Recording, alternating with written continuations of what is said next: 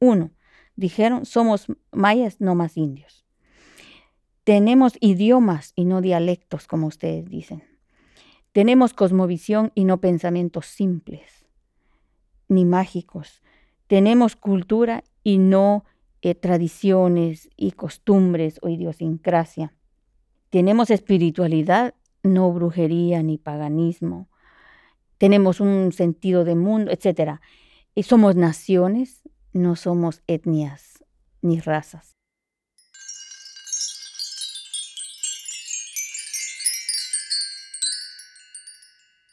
Aura Cumes es investigadora, docente, escritora y activista maya Cachiquel de Guatemala. Su defensa de los derechos sociales y políticos de los pueblos indígenas se basa en la desarticulación de los tres grandes sistemas de dominación, despojo y expropiación con los que se ha sometido a las sociedades latinoamericanas desde el siglo XVI. El colonialismo, el capitalismo y el patriarcado.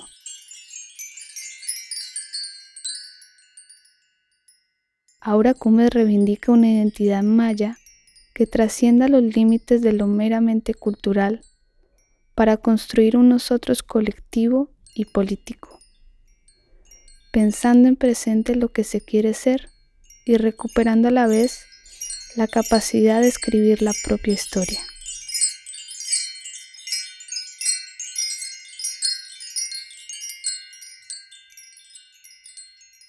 En este podcast, Aura Cumes traza un lúcido recorrido histórico a través de los procesos coloniales, analizando los mecanismos de sometimiento, violencia y usurpación con los que perversamente se ha ido modelando la identidad del indio india sirviente relegado al progreso y bienestar del hombre blanco, sus familias y su capital. Racismo y sexismo avanzan así en paralelo en una trama de depredación en la que muchas veces se entrecruzan las jerarquías. Aura Cumes reflexiona también sobre la pluralidad ontológica que emana del Popol Vuh, el libro sagrado de los mayas. Analiza las particularidades de las luchas de las mujeres indígenas que no pueden unir sus reivindicaciones a las del feminismo blanco reproductor de las lacras del racismo colonial. Y, por último, narra algunas estrategias de resistencia con las que los pueblos mayas, y en particular las mujeres, están defendiendo sus tierras, recursos naturales y modos de vida.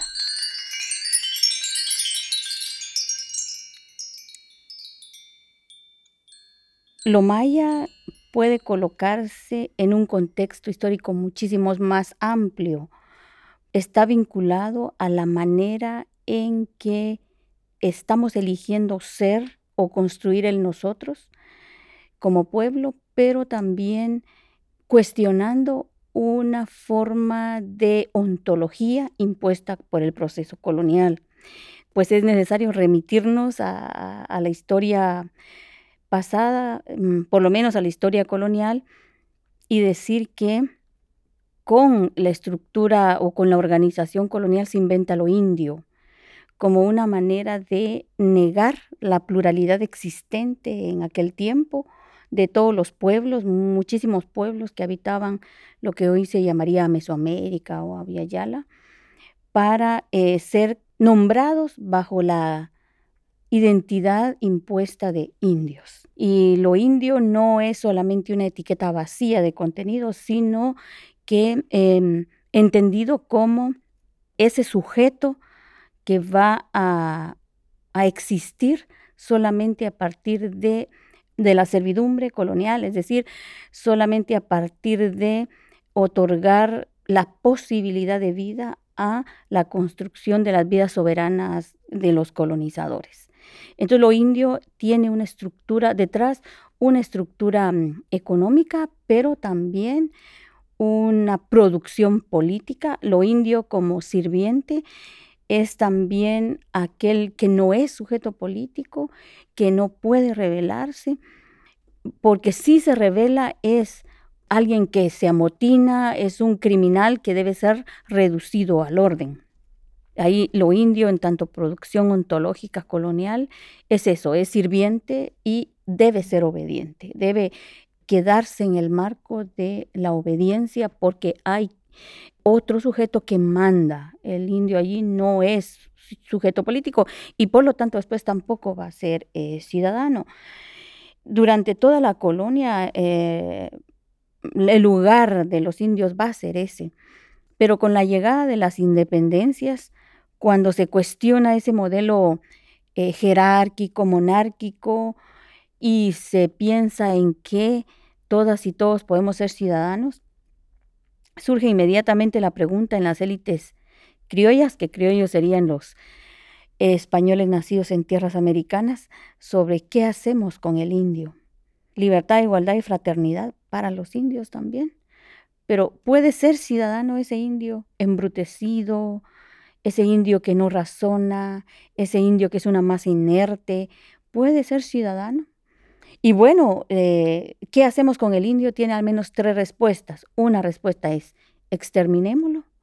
Otra respuesta es asimilémoslo para que procure ser al menos como nosotros, es, decir, le extendemos la educación, la salud, etc.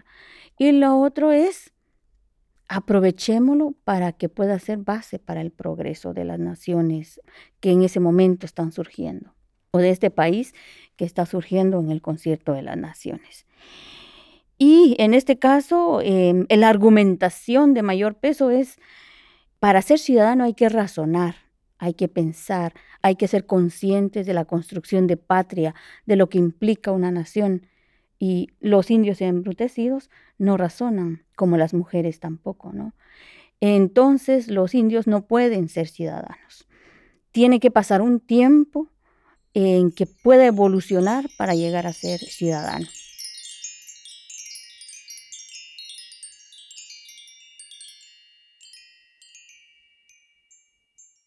El mecanismo para hacerlos útiles a la patria naciente entonces es mediante el trabajo forzado.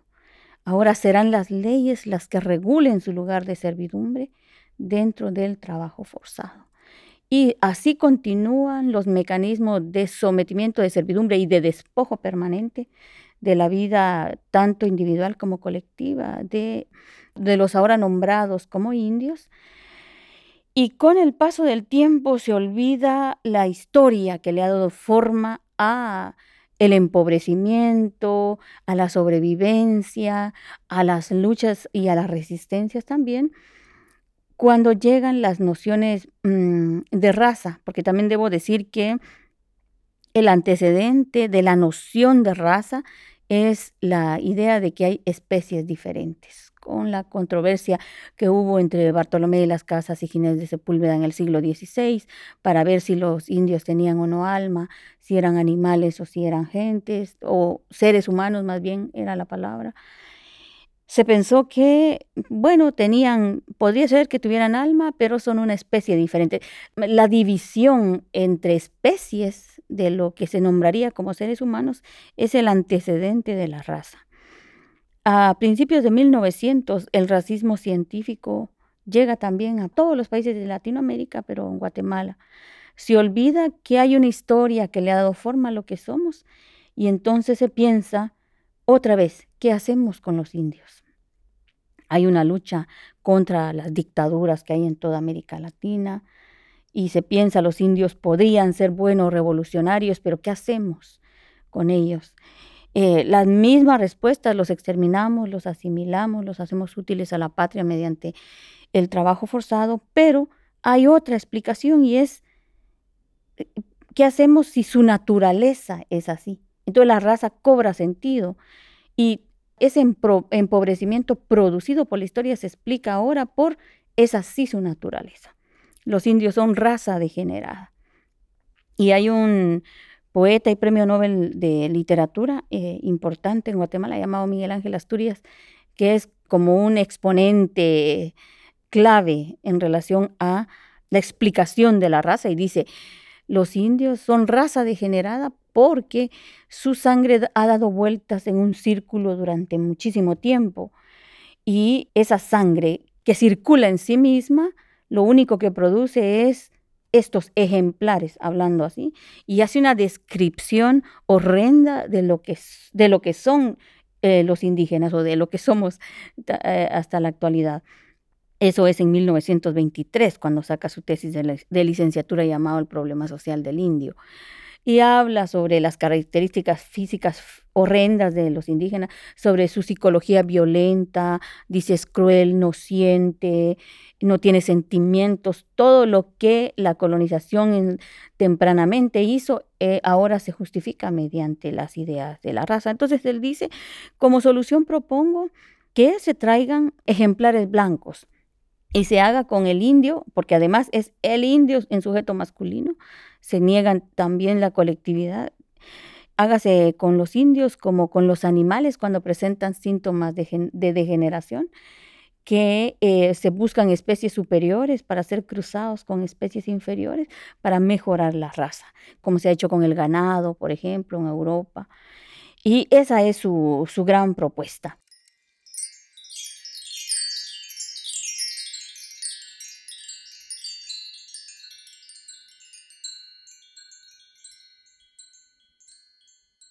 En nuestros países durante toda la época, desde, mm, desde el siglo XVI con la colonización española, se ha abierto y se ha invitado a los blancos a llegar. Durante la independencia de 1821 es otro momento en que se, se convoca a la gente blanca para llegar porque se piensa que el progreso y la civilización es sinónimo de lo blanco en 1900 con la tesis de Miguel Ángel Asturias es otra vez un llamado a los blancos a llegar y a llegar a gobernar los países. Y eso es muy real. Los múltiples presidentes que hemos tenido es gente que... Em, ha llegado de muchos países de Europa y llegando no son los migrantes que llegan a ser sirvientes, son, son estos migrantes blancos que tienen muchísimas posibilidades de gobernar. Y así en toda Latinoamérica, Fidel Castro es, eh, su, no sé si su abuelo, su padre, ha migrado recientemente, creo que de Galicia o de algún lugar de España, y llega a ser gobernante. Es decir, su producción mm, racial dentro de la categoría de la superioridad le da la posibilidad de gobernar. Es decir, que nosotros hemos tenido siempre la llegada de gente blanca europea, primero española, pero después de las independencias invita a la gente anglosajona, llega gente, bueno, llega gente de Suiza, de Inglaterra, de Holanda y llega a finales de 1800 una gran cantidad de alemanes para fundar una nueva colonia. Y los alemanes son fundamentales como en otros lugares también de América Latina. Entonces em, hacen alianza con, con los españoles que han llegado antes, aunque los ven inferiores a los españoles, sí los observan como estos retrógrados eh, atrasados que los colonizaron a ustedes, nosotros seremos mejor, pero al final se aliaron porque los españoles tenían el poder económico y político, tenían un recorrido y además muy prontamente construyeron su patria, esto es nuestro, es nuestra patria.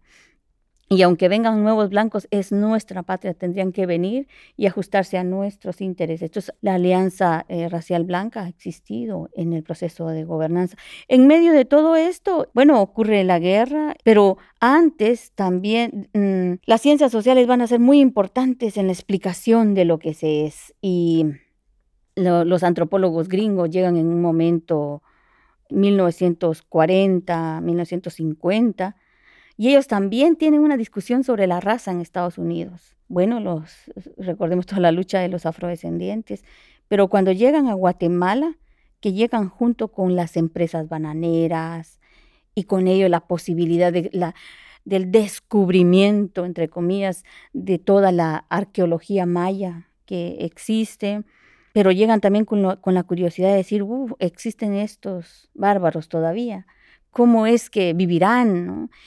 Y cómo es que no se han ladinizado, cómo es que no se han blanqueado.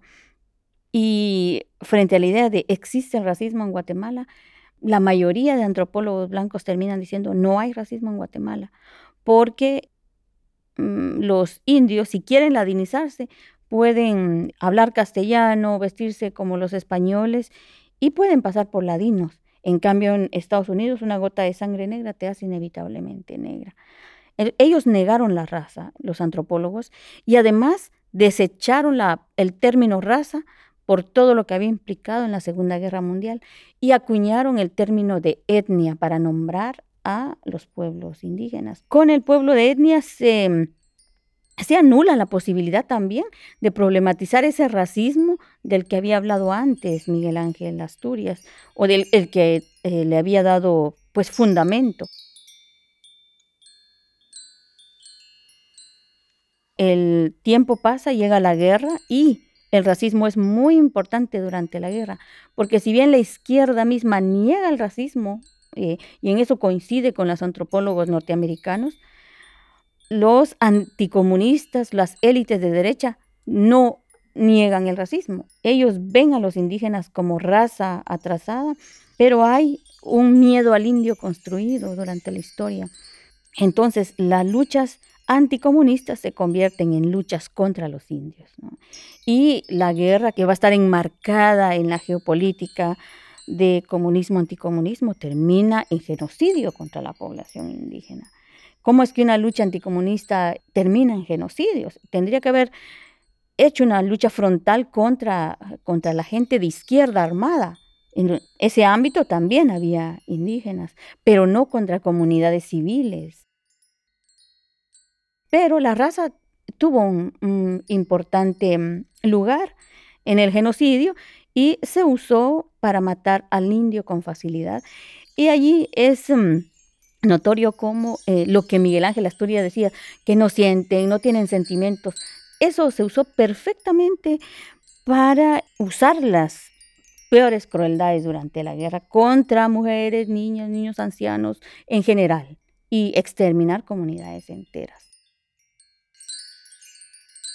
Después de la guerra es cuando llegan los discursos multiculturales, porque también hay otra vez una geopolítica del multiculturalismo, la interculturalidad.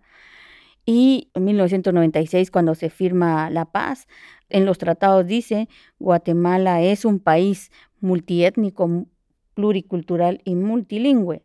Es decir, reconoce lo que se había negado por mucho tiempo. Entonces, estos mayas que tenían potencia política antes del conflicto armado interno. El conflicto armado interno fue entre 1962 a 1996.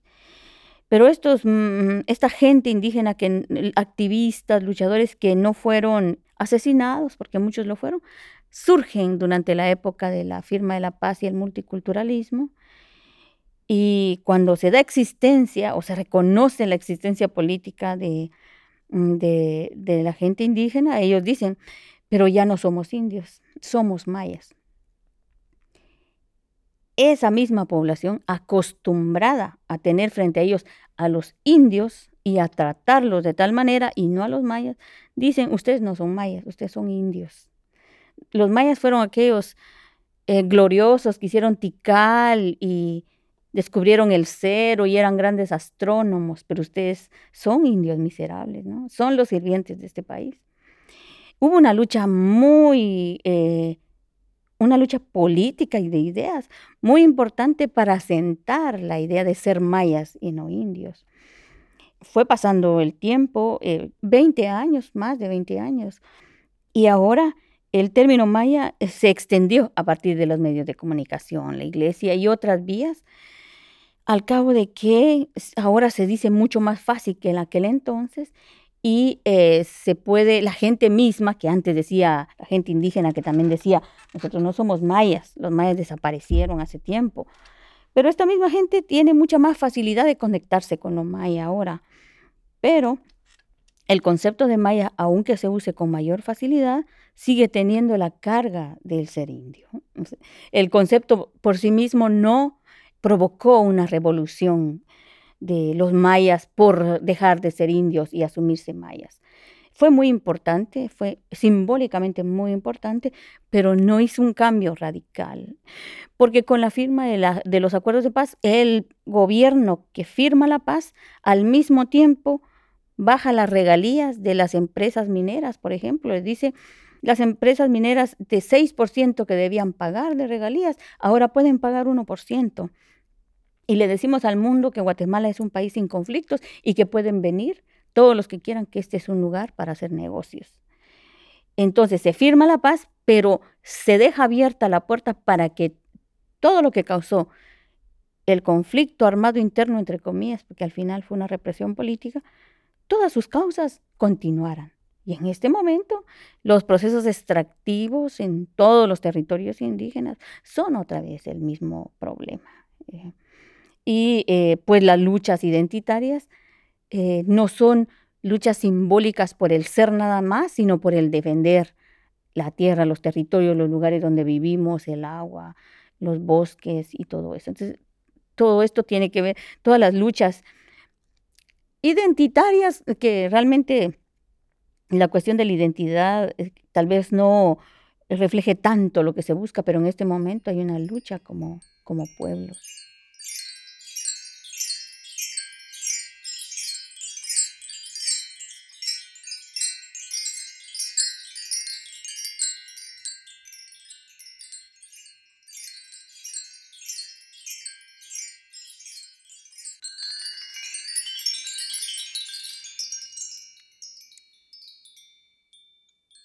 Es que ahora nos encontramos, y ahí sí viene de, la cooperación internacional, pero viene también de los organismos internacionales, llámese.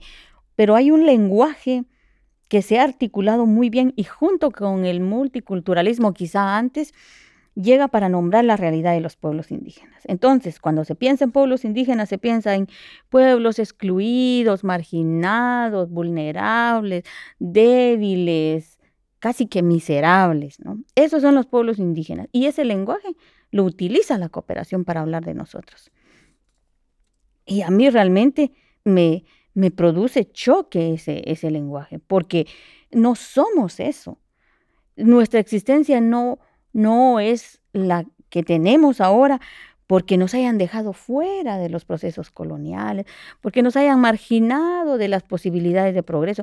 No, nuestro nuestra vida está de la manera en que la vivimos porque ha habido un constante despojo. La raíz de nuestro problema no es la exclusión, es el despojo permanente de nuestra vida individual y colectiva. Pero para que ese despojo sea posible, el mecanismo recurrente ha sido la violencia. Es una violencia cruda, que es la que posibilita que lo colonial se produzca. Es la violencia lo que produce el, despojo colonial. Entonces, este lenguaje que, que, se está utilizando lo que hace es justamente ocultar una historia, una historia de grave violencia que nos produce así como estamos. Por eso yo pienso que necesitamos renombrar lo que ocurre. Hay violencia, hay despojo, hay atrocidades y lo colonial no ha quedado atrás, es permanente. Entonces hemos sido colocados como cuerpos despojables en la estructura colonial de larga duración. Por eso considero que este lenguaje que oculta nuestra realidad es un lenguaje de pacificación. Es un lenguaje que contribuye a que los pueblos no piensen o reflexionen sobre el núcleo duro de eh, que justifica la manera en que son tratados. Y necesitamos usar un lenguaje que dé cuenta de la realidad que estamos viviendo. Por eso trato de colocar otras nociones. Poder, dominación, el concepto de desigualdad yo no lo uso porque se piensa, bueno, los, somos desiguales. Bueno, si eso es, hay que explicar cómo se ha ocasionado esa desigualdad. Porque si pensamos solamente en el presente, somos desiguales, otra vez se piensa que somos desiguales por falta de aprovechamiento de oportunidades. No somos desiguales por falta de aprovechamiento, sino por la intencionalidad que ha habido detrás de ello y el despojo que ha existido. Para mí, las palabras más adecuadas para nombrar son dominación, violencia, poder, jerarquía, este tipo de cosas. Y para nombrar lo que queremos hacer es autonomía, autorregulación, transformación profunda, no es interculturalidad, no, no es ese lenguaje que yo uso para poder buscar la reconfiguración o reconstitución de nuestras vidas. Y bueno, esto es lo que, para reconfigurar nuestras vidas, pienso en la posibilidad de desmontar aquello que ha ocasionado nuestro sometimiento. Y mucho de eso tiene que ver otra vez con la producción de nuestros cuerpos para la servidumbre, sobre la ontología que significa ser indio. Todo esto necesita de un proceso de descolonización o de mecanismos anticoloniales que permitan quitar de nuestras vidas esa posibilidad que sigue teniendo sentido para hacer fuerte la dominación. Y uno de ellos, por ejemplo, es el cristianismo, muy, muy importante. Sabemos muy bien que el fundamento principal que permite que nosotros interioricemos la inferioridad va a ser esta idea de que estos pobres indios no tienen un Dios, adoran a los demonios, además son politeístas y lo poli es lo atrasado, el mundo que debe ser es ese mundo del uno, e, ese que descubre un solo Dios, una verdad, una historia, una cultura, una raza, es ese mundo del uno. Y yo digo, más bien es necesario entender de dónde viene la agresión y qué es lo que escandalizó a aquellos que nos sometieron. Dijeron son politeístas. ¿Por qué? ¿Dónde está? ¿En qué se expresa ese politeísmo? Pues se expresa en la pluralidad, en una pluralidad que no ha acabado. Entonces reivindiquemos esa pluralidad. Y allí me voy al Popol Vuh y encuentro que el fundamento de la creación de la gente no es que haya un Dios único que haga un hombre y que el hombre salga, del hombre salga una, una mujer, desde la costilla del hombre salga una mujer, sino encontramos que hay deidades, entre comillas, alrededor de 11 pares que se autoconvocan y esos 11 pares son las expresiones de todo lo que hay en el entorno, de todo lo que posibilita la vida. Hay mujeres, hombres, abuelas, abuelos, corazón del cielo y de la tierra, mares, lagos, animales, animales, animales, gente, todo eso que se convoca para hacer a la gente. Y después de tres intentos, sí, de tres intentos, en la cuarta creación son Ishpiakok y quienes van a hacer a la gente y es Ishmucané quien moliendo maíz blanco y amarillo nueve veces va a formar a los cuatro primeros hombres y después a las primeras cuatro mujeres que van a ser las cuatro parejas que van a habitar el pluriverso maya, diríamos de esta manera.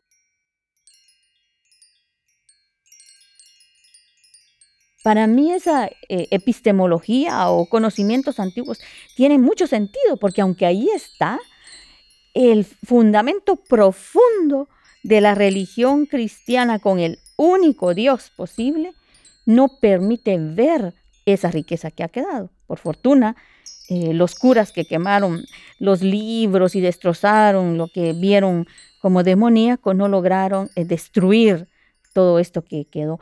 Entonces a mí me sirve todo esto para fundamentar una epistemología que es diferente. Yo procuro tener los pies sobre la tierra, procuro entender la violencia, procuro también entender los mecanismos de interiorización profundo de la colonización, porque la colonización solo es posible cuando se convence al otro de su inferioridad, así como las mujeres nos convencemos del patriarcado también y lo defendemos. Así mismo es la colonización y por lo tanto pienso que los conocimientos antiguos o las epistemologías son una parte fundamental de nuestra liberación.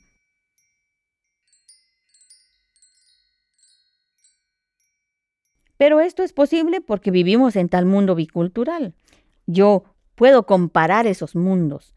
Puedo, lo puedo comparar no necesariamente porque conozco cómo vive Europa de esta manera, sino porque sé cuál es la Europa que nos ha llegado allá, ¿Cuál es la Europa que se quedó?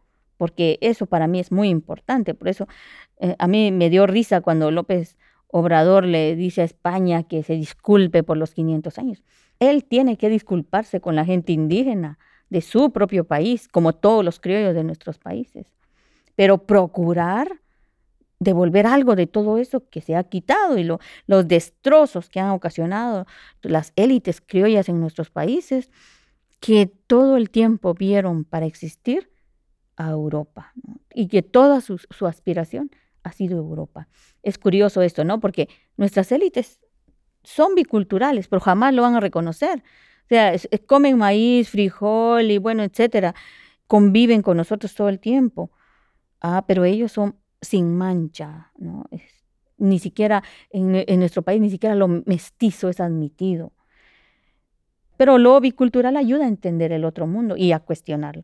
Y a mí me ha ayudado muchísimo a entender que vivimos en, ese, en esos dos mundos. En el mundo del uno, que es un mundo depredador, que depreda y depreda, depreda, depreda, porque ese que está en la cúpula de la depredación es el que se da existencia a sí mismo, a semejanza de Dios en aquel tiempo, pero es el que gana, el que tiene éxito y es aquel hombre blanco heterosexual, que es el que tiene los privilegios en cualquier lugar del planeta, en cualquier lugar del planeta, en Guatemala, aquí, allá, donde sea, ¿no? Ese es el mundo del uno y, y el mundo plural está, pero para mí eh, no forma parte de las nociones cotidianas de habitar el mundo. No sabemos vivir con la pluralidad. No podemos ver a ese otro oscuro, a ese otro depredado por los procesos coloniales, no lo podemos ver como igual. O sea, si alguien a mí me mira, o porque me lo he notado, más bien no me mira, no me da existencia en, horizonte, en equivalencia, ¿no? me da existencia en equivalencia, porque todo lo moreno, lo oscuro es, es inferior.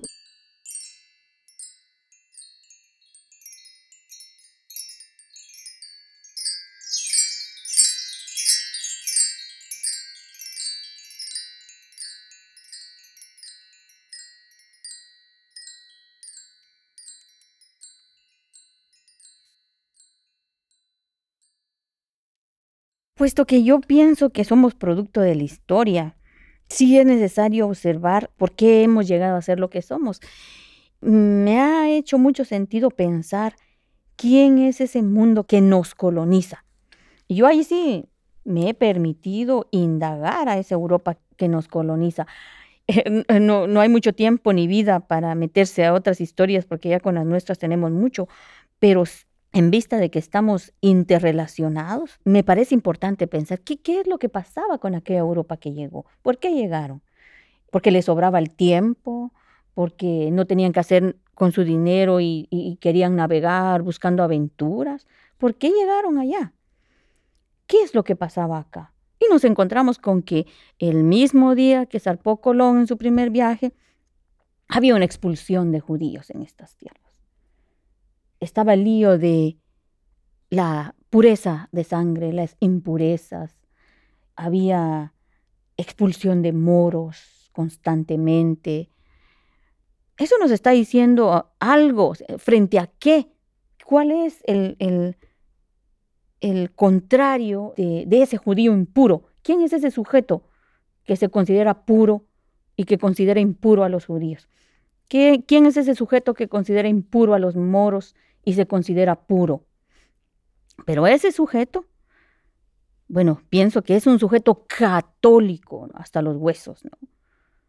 Y, y su catolicismo fundamentalista profundo le permite expulsar al otro viéndolo como sucio, desechable, etcétera. Ese, pero ese mismo sujeto, ese mismo sujeto católico que ve las impurezas en los demás, ha perseguido antes a las mujeres.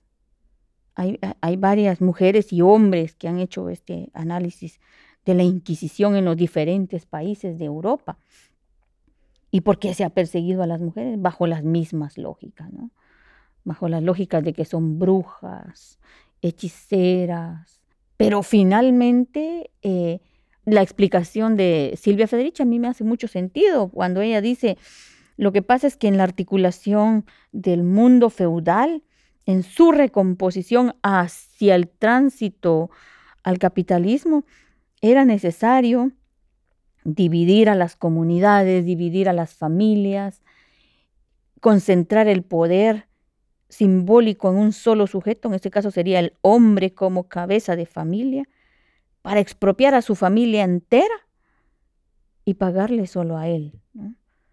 Para amarrar la potencia política, bueno, esto ya es mío, de la familia entera, de la comunidad entera, y construir el poder en un solo lugar. Y es increíble lo que hace el poder, porque cualquiera que tiene poder lo va a defender. El sometimiento de las mujeres para mí se ha construido en la violencia más extrema, misma violencia que se llevó en los procesos de dominación colonial. Torturar, perseguir, quemar en la hoguera como mecanismo público de decir cuál es el lugar de las mujeres, qué se hará con las mujeres que se rebelan, eso no es poca cosa. Ese es un patriarcado que se ha constituido sobre la base de una gran violencia. Es el patriarcado que nos llega allá. Y la misma violencia contra las mujeres va a llegar a nuestras tierras y se va a acusar a las comadronas, a las parteras, a las hueseras, a las curanderas. Pasan también por la Inquisición. Y esto es clarísimo. Pero también los hombres pasan por la Inquisición. Europa, los problemas que llevaba Europa pasan a nuestro lugar. Pero además ese uno que persigue a las mujeres, ese uno que persigue a los judíos, ese uno que persigue a los moros, ese hombre que no es naturaleza, porque ahí hay, un, eh, hay un desapego del hombre con la naturaleza y se da permiso a sí mismo para decir yo puedo aprovechar de la naturaleza. Y como decía Francis Bacon, incluso torturándola para que revele sus secretos, porque la naturaleza es salvaje, caprichosa, impenetrable. Entonces ese, ese hombre humano, ese uno, se atribuye a sí mismo la legitimidad para penetrar la naturaleza, de la misma forma que penetra en las colonias.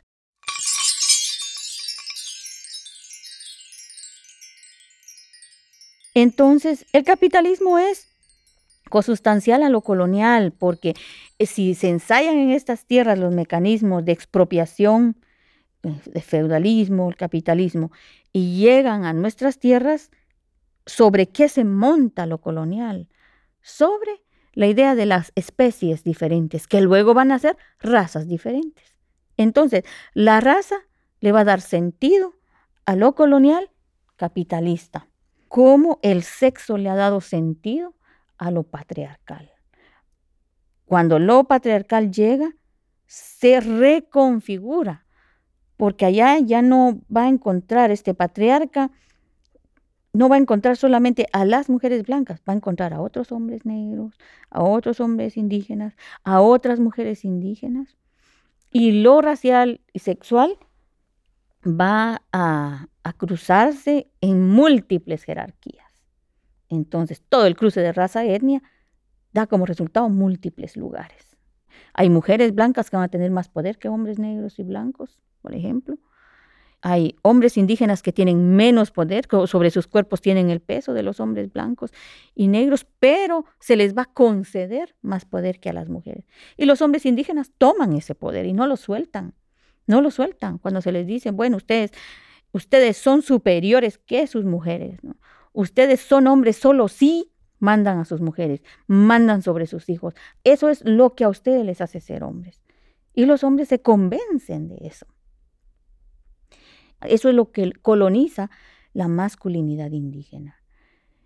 Y algunas dicen, bueno, no se pudo haber inventado el patriarcado de un día para otro en sociedades mayas.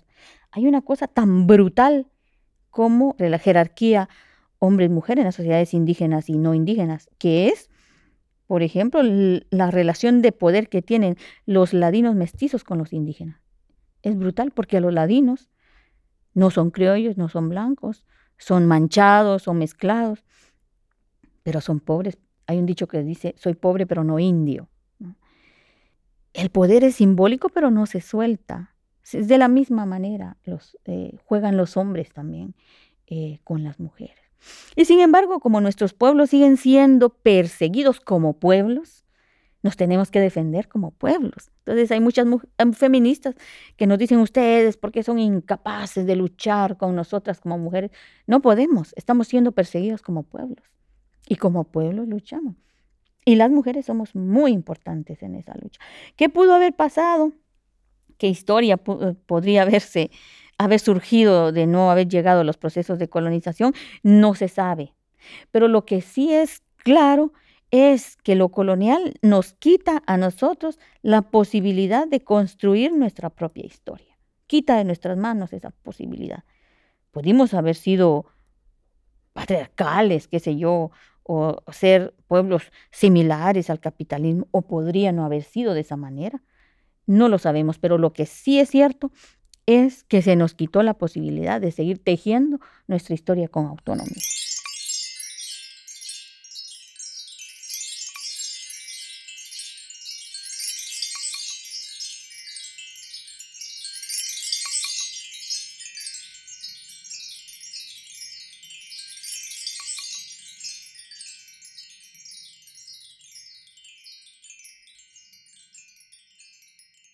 Primero, yo no sé si haya un feminismo maya, no lo sé. Hay feministas mayas, sí. Y hay muchas mujeres que intencionalmente no se quieren definir como feministas. ¿Por qué? Hemos caminado junto a organizaciones y mujeres feministas por mucho tiempo. Pero no hemos tenido un vínculo, el vínculo más feliz, porque hay un feminismo que traslada en sus luchas los mismos fines coloniales. Entonces yo recuerdo a una de las maestras del feminismo en Guatemala que a principios del 2000 llegó a decir, no entendemos por qué las mujeres indígenas no pueden luchar con nosotras. No entendemos por qué inmediatamente se ven confrontadas entre si luchar con sus hombres o luchar con nosotras. Yo quisiera decirles que ya dejaran de pensar en esos resabios históricos que nos han enemistado. No es ningún resabio histórico, es un presente. Además de eso, es importante que se den cuenta que los hombres las tratan como fósiles vivientes, que las mujeres son fósiles vivientes de los hombres. Eso es una agresión tremenda. ¿Cómo puedes aliarte con alguien que te trata de esa manera? Uy, yo inmediatamente digo, usted es antagónica, es cómo me va a tratar alguien que piensa así. Y efectivamente en los espacios feministas jamás se, se, nos va a decir india inferior, pero hay un trato así. Porque la construcción de un trato equivalente tiene que pasar por la profundidad de la subjetividad. Necesitamos convencernos en la corporalidad, en el pensamiento, en el lenguaje, que de verdad estoy pensando que la otra de enfrente es igual y equivalente que yo. De lo contrario, no. Porque el racismo se refleja en la corporalidad inmediatamente. Si yo voy y me tocan la cabeza como si yo fuera una niña, es inmediatamente hay un vínculo jerárquico. Yo no quiero estar en esos. Yo estuve mucho en esos espacios, eh, pero yo sufrí mucho en esos espacios. Y yo, esos no son mis espacios. Y muchas mujeres indígenas lo ven igual. Y ellas dicen, ¿para qué quiero yo un feminismo así? Si yo puedo hacer la lucha dentro de los pueblos de, de determinada manera. Por supuesto, por mucho tiempo también los hombres no han aceptado las luchas específicas de las mujeres y en muchos casos no las han acompañado los hombres indígenas. Pero nuestra lucha como pueblo no tiene que ver en la defensa de los hombres, en lo absoluto, en lo absoluto. Nosotras luchamos como pueblo y comunidad porque somos eso, porque somos pueblo, porque somos comunidad. No por defender a nuestros hombres de nada, no. Es eso. Porque no reivindicamos parte de ese pueblo y por eso luchamos. Mientras que en las luchas feministas podríamos luchar como mujeres. Esos mismos espacios nos obligan a luchar contra el racismo y es muy, muy desgastante. Entonces, en Guatemala no, no hay un feminismo maya, eh, es decir, no hay mujeres mayas feministas que se reúnan para decir, este es el feminismo maya. debido a ese vínculo jerárquico que hemos tenido con las mujeres feministas. Eh, hay más una intencionalidad de definirnos mujeres mayas con luchas particulares como el de las tejedoras, como el de las comadronas, como los movimientos que buscan la participación política y otro tipo de movimientos de mujeres fuertes, fuertes, pero no nombrados como feministas, luchadoras en muchos casos por los derechos de las mujeres y de los pueblos, pero no eh, feministas. En muchos casos se piensa que es porque ignoramos el feminismo. Yo no ignoro para nada el feminismo. Yo lo conozco muy bien. Pero nuestra intención política tiene que ver con decirle a ese feminismo que o es anticolonial, descolonial, antirracista, o no puede hacer alianza con nosotros. Y más en lugares colonizados. No puede existir un feminismo blanco colonial en un lugar como nuestros países latinoamericanos. No, todo feminismo ahí tiene que ser antidescolonial, tiene que ser antirracista, pero no se llega aún a eso.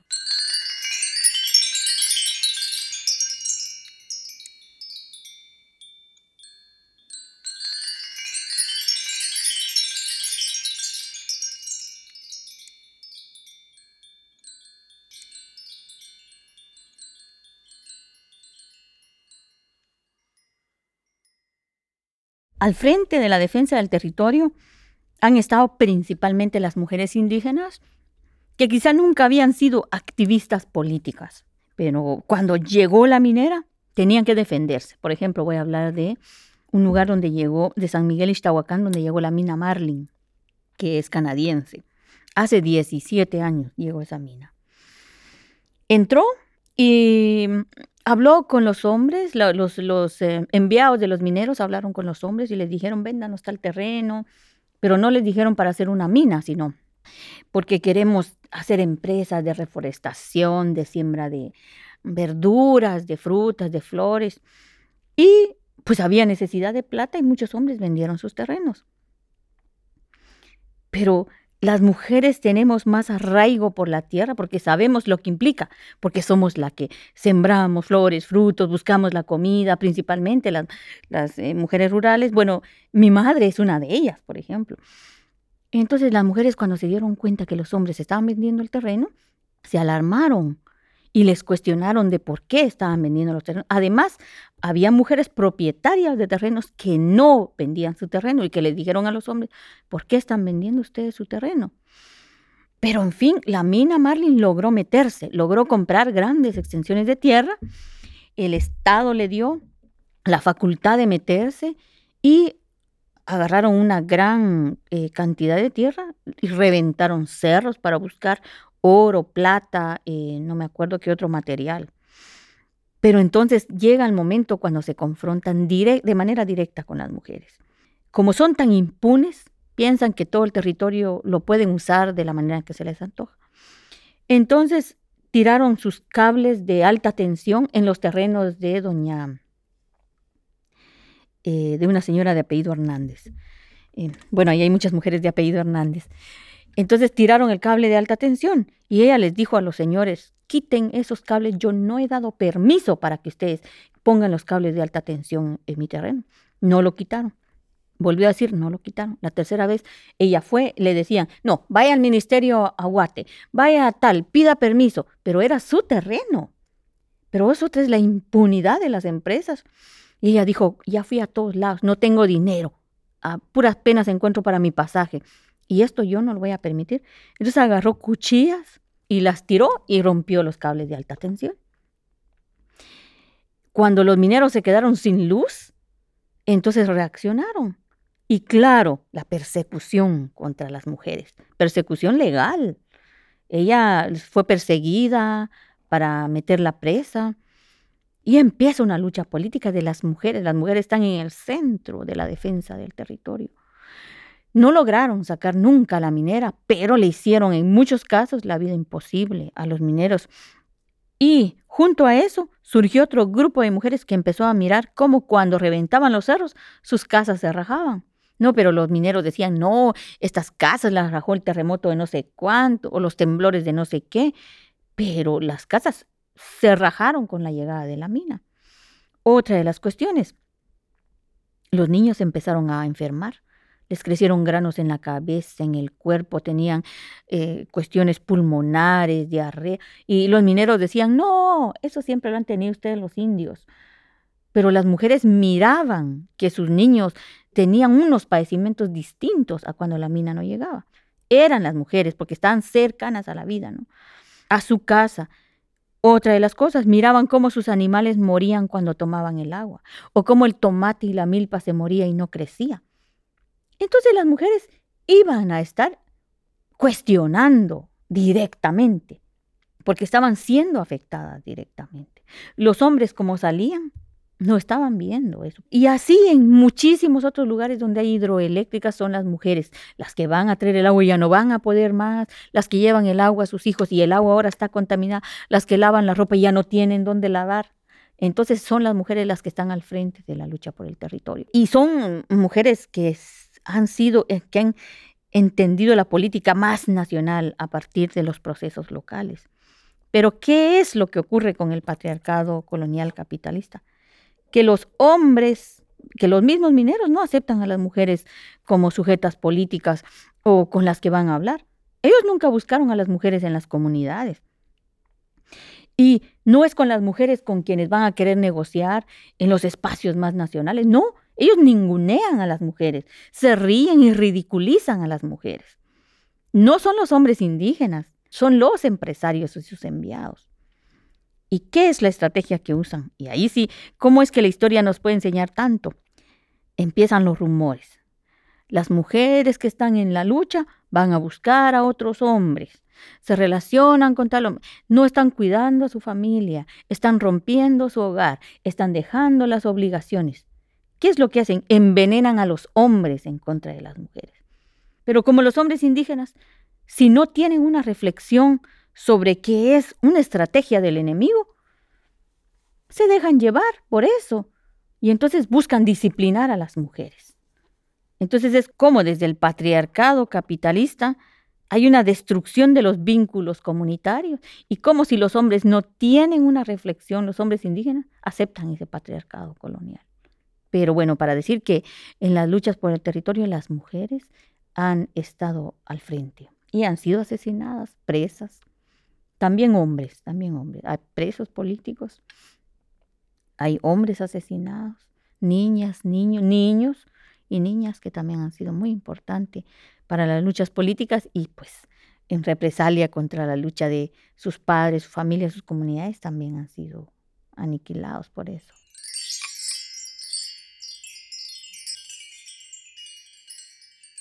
Ha habido luchas que han logrado frenar. Por ejemplo, hay una, eh, hay una cementera en un lugar llamado San Juan, Zacatepeques. Y lo que hizo esta cementera fue que necesitaba del agua para producir y grandes extensiones de tierra. Pero allí hay cultivadores de flores y las mujeres venden flores.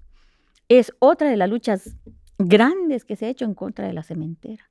Se ha logrado frenar el avance de esa cementera también.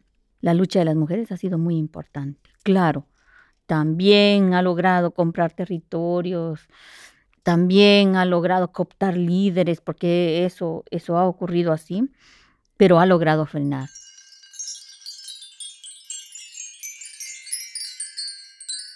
El pueblo Xinca es otro lugar, porque ahí hay una mina, eh, la mina San Rafael, que entró como las otras, sin permiso de la comunidad, no se ven obligadas a consultar ni respetan el convenio 169 y entró la mina. Y cuando la gente se levantó, dijeron, nosotros somos indígenas, tenemos tierras comunales y ustedes van a respetar nuestro territorio. Pero como son tan astutos, dijeron, ustedes no son indígenas, ustedes ya no hablan ninguna lengua ni usan el traje, porque ese territorio de Occidente fue se suponía bastante ladinizado. Entonces, si no hay indígenas, no hay tierra comunal, no hay territorio que defender. Y el Estado con los grupos empresariales hicieron un censo para poder mostrar que no hay indígenas. Pero estos, eh, este territorio Xinca, la gente dijo, por supuesto que somos indígenas. Y empezaron a articularse como tales. Y esa defensa como indígenas posibilitó que pararan la mina San Rafael. Otra vez los patrones pataleando todo el tiempo, la mina está parada, pero el vínculo de nosotros indígenas articulado allí posibilitó el que se parara la mina San Rafael. Y otros ríos que no han podido llevarse también por la lucha, por la lucha de la gente. Ha, ha habido luchas muy importantes, pero se deja la vida en esas luchas, en la defensa. En vez de pensar cómo queremos vivir, es, hay una defensa permanente y por eso digo que lo colonial jamás ha parado, nunca. No es una huella, no es un recuerdo, no son resabios, es ahora.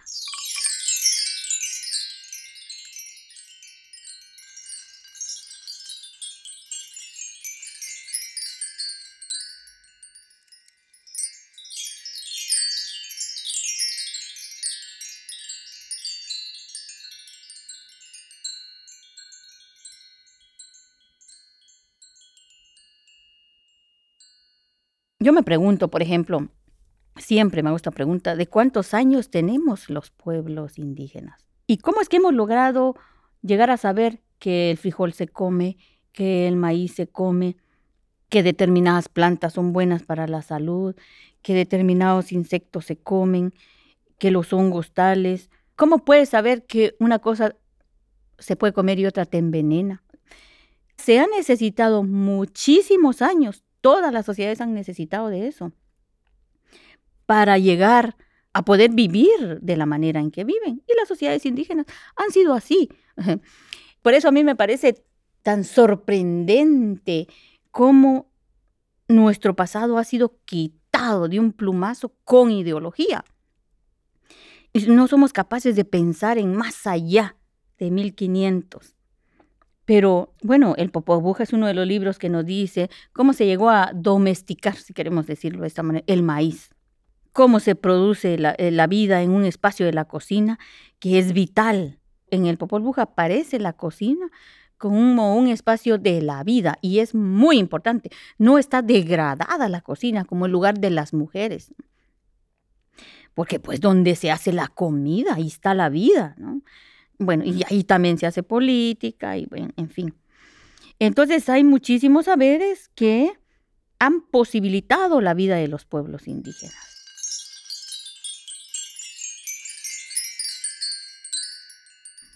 Y eso, por ejemplo, que siempre se piensa, yo, ah, yo recuerdo que cuando era joven tenía que enfrentarme a la violencia de los profesores.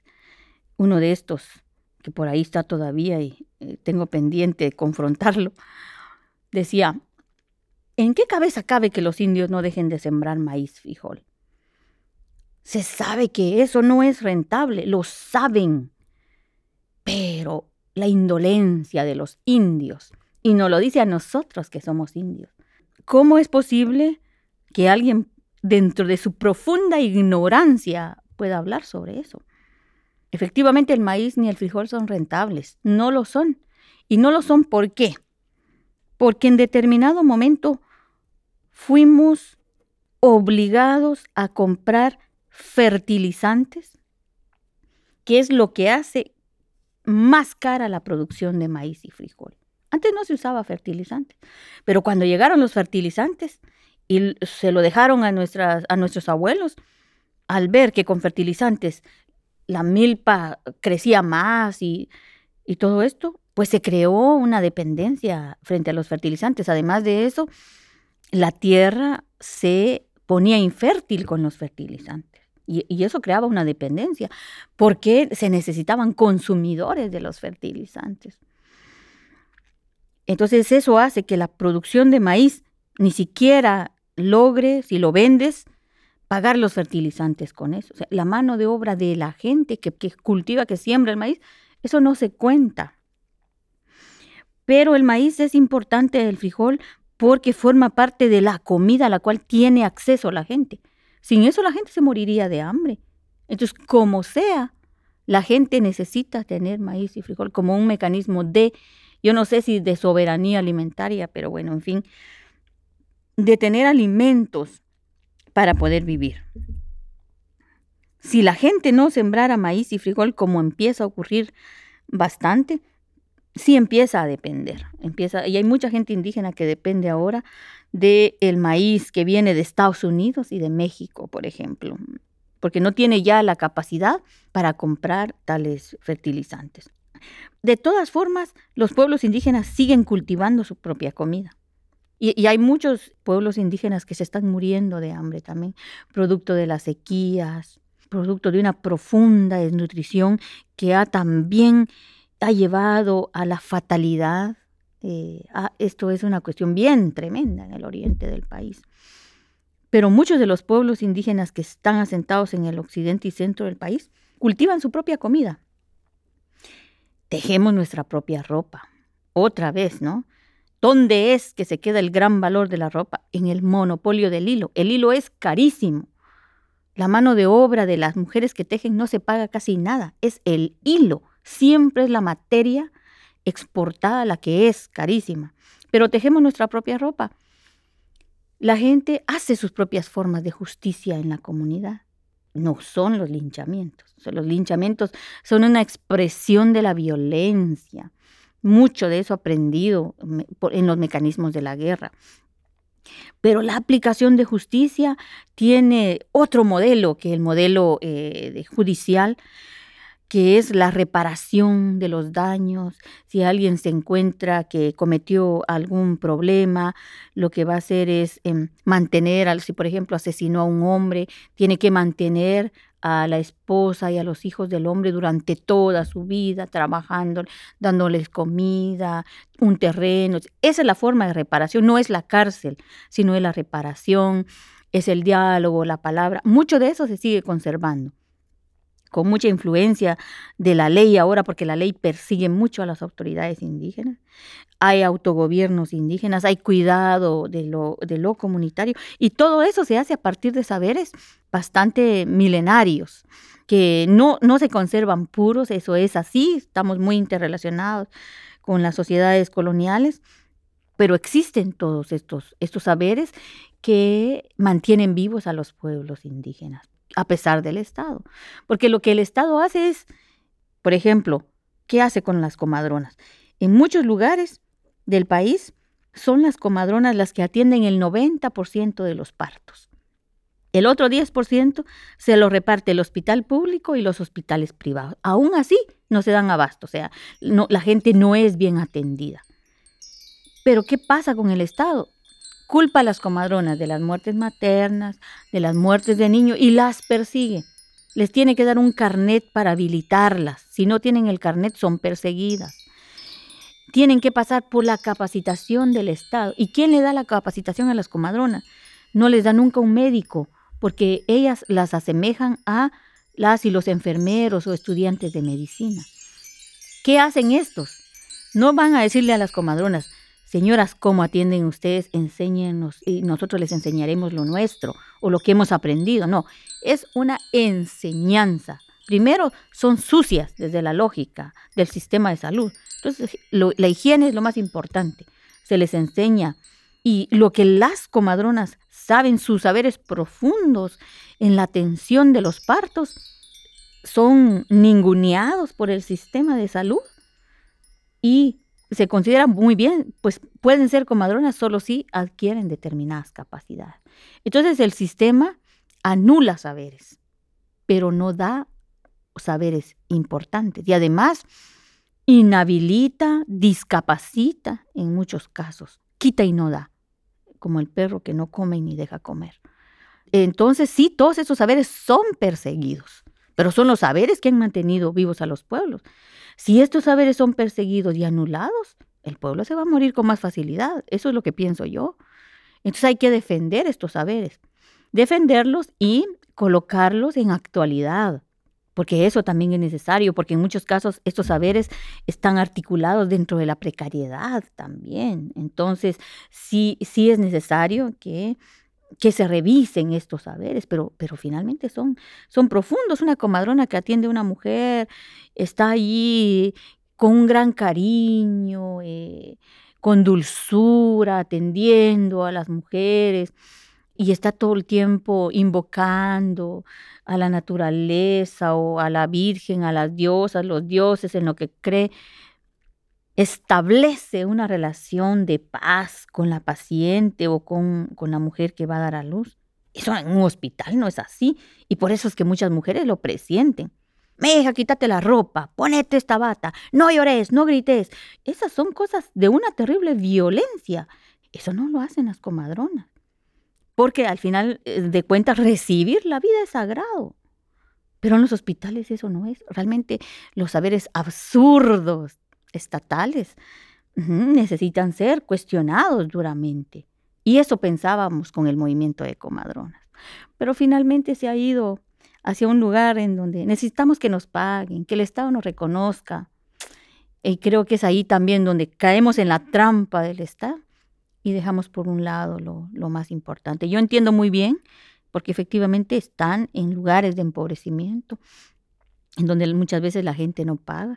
A una comadrona se le puede pagar, por ejemplo, o reconocer 200 quetzales, 250 quetzales, mientras en el sistema de salud privado una atención de parto más barato sería como en 7 mil quetzales, o sea, es mucha la diferencia.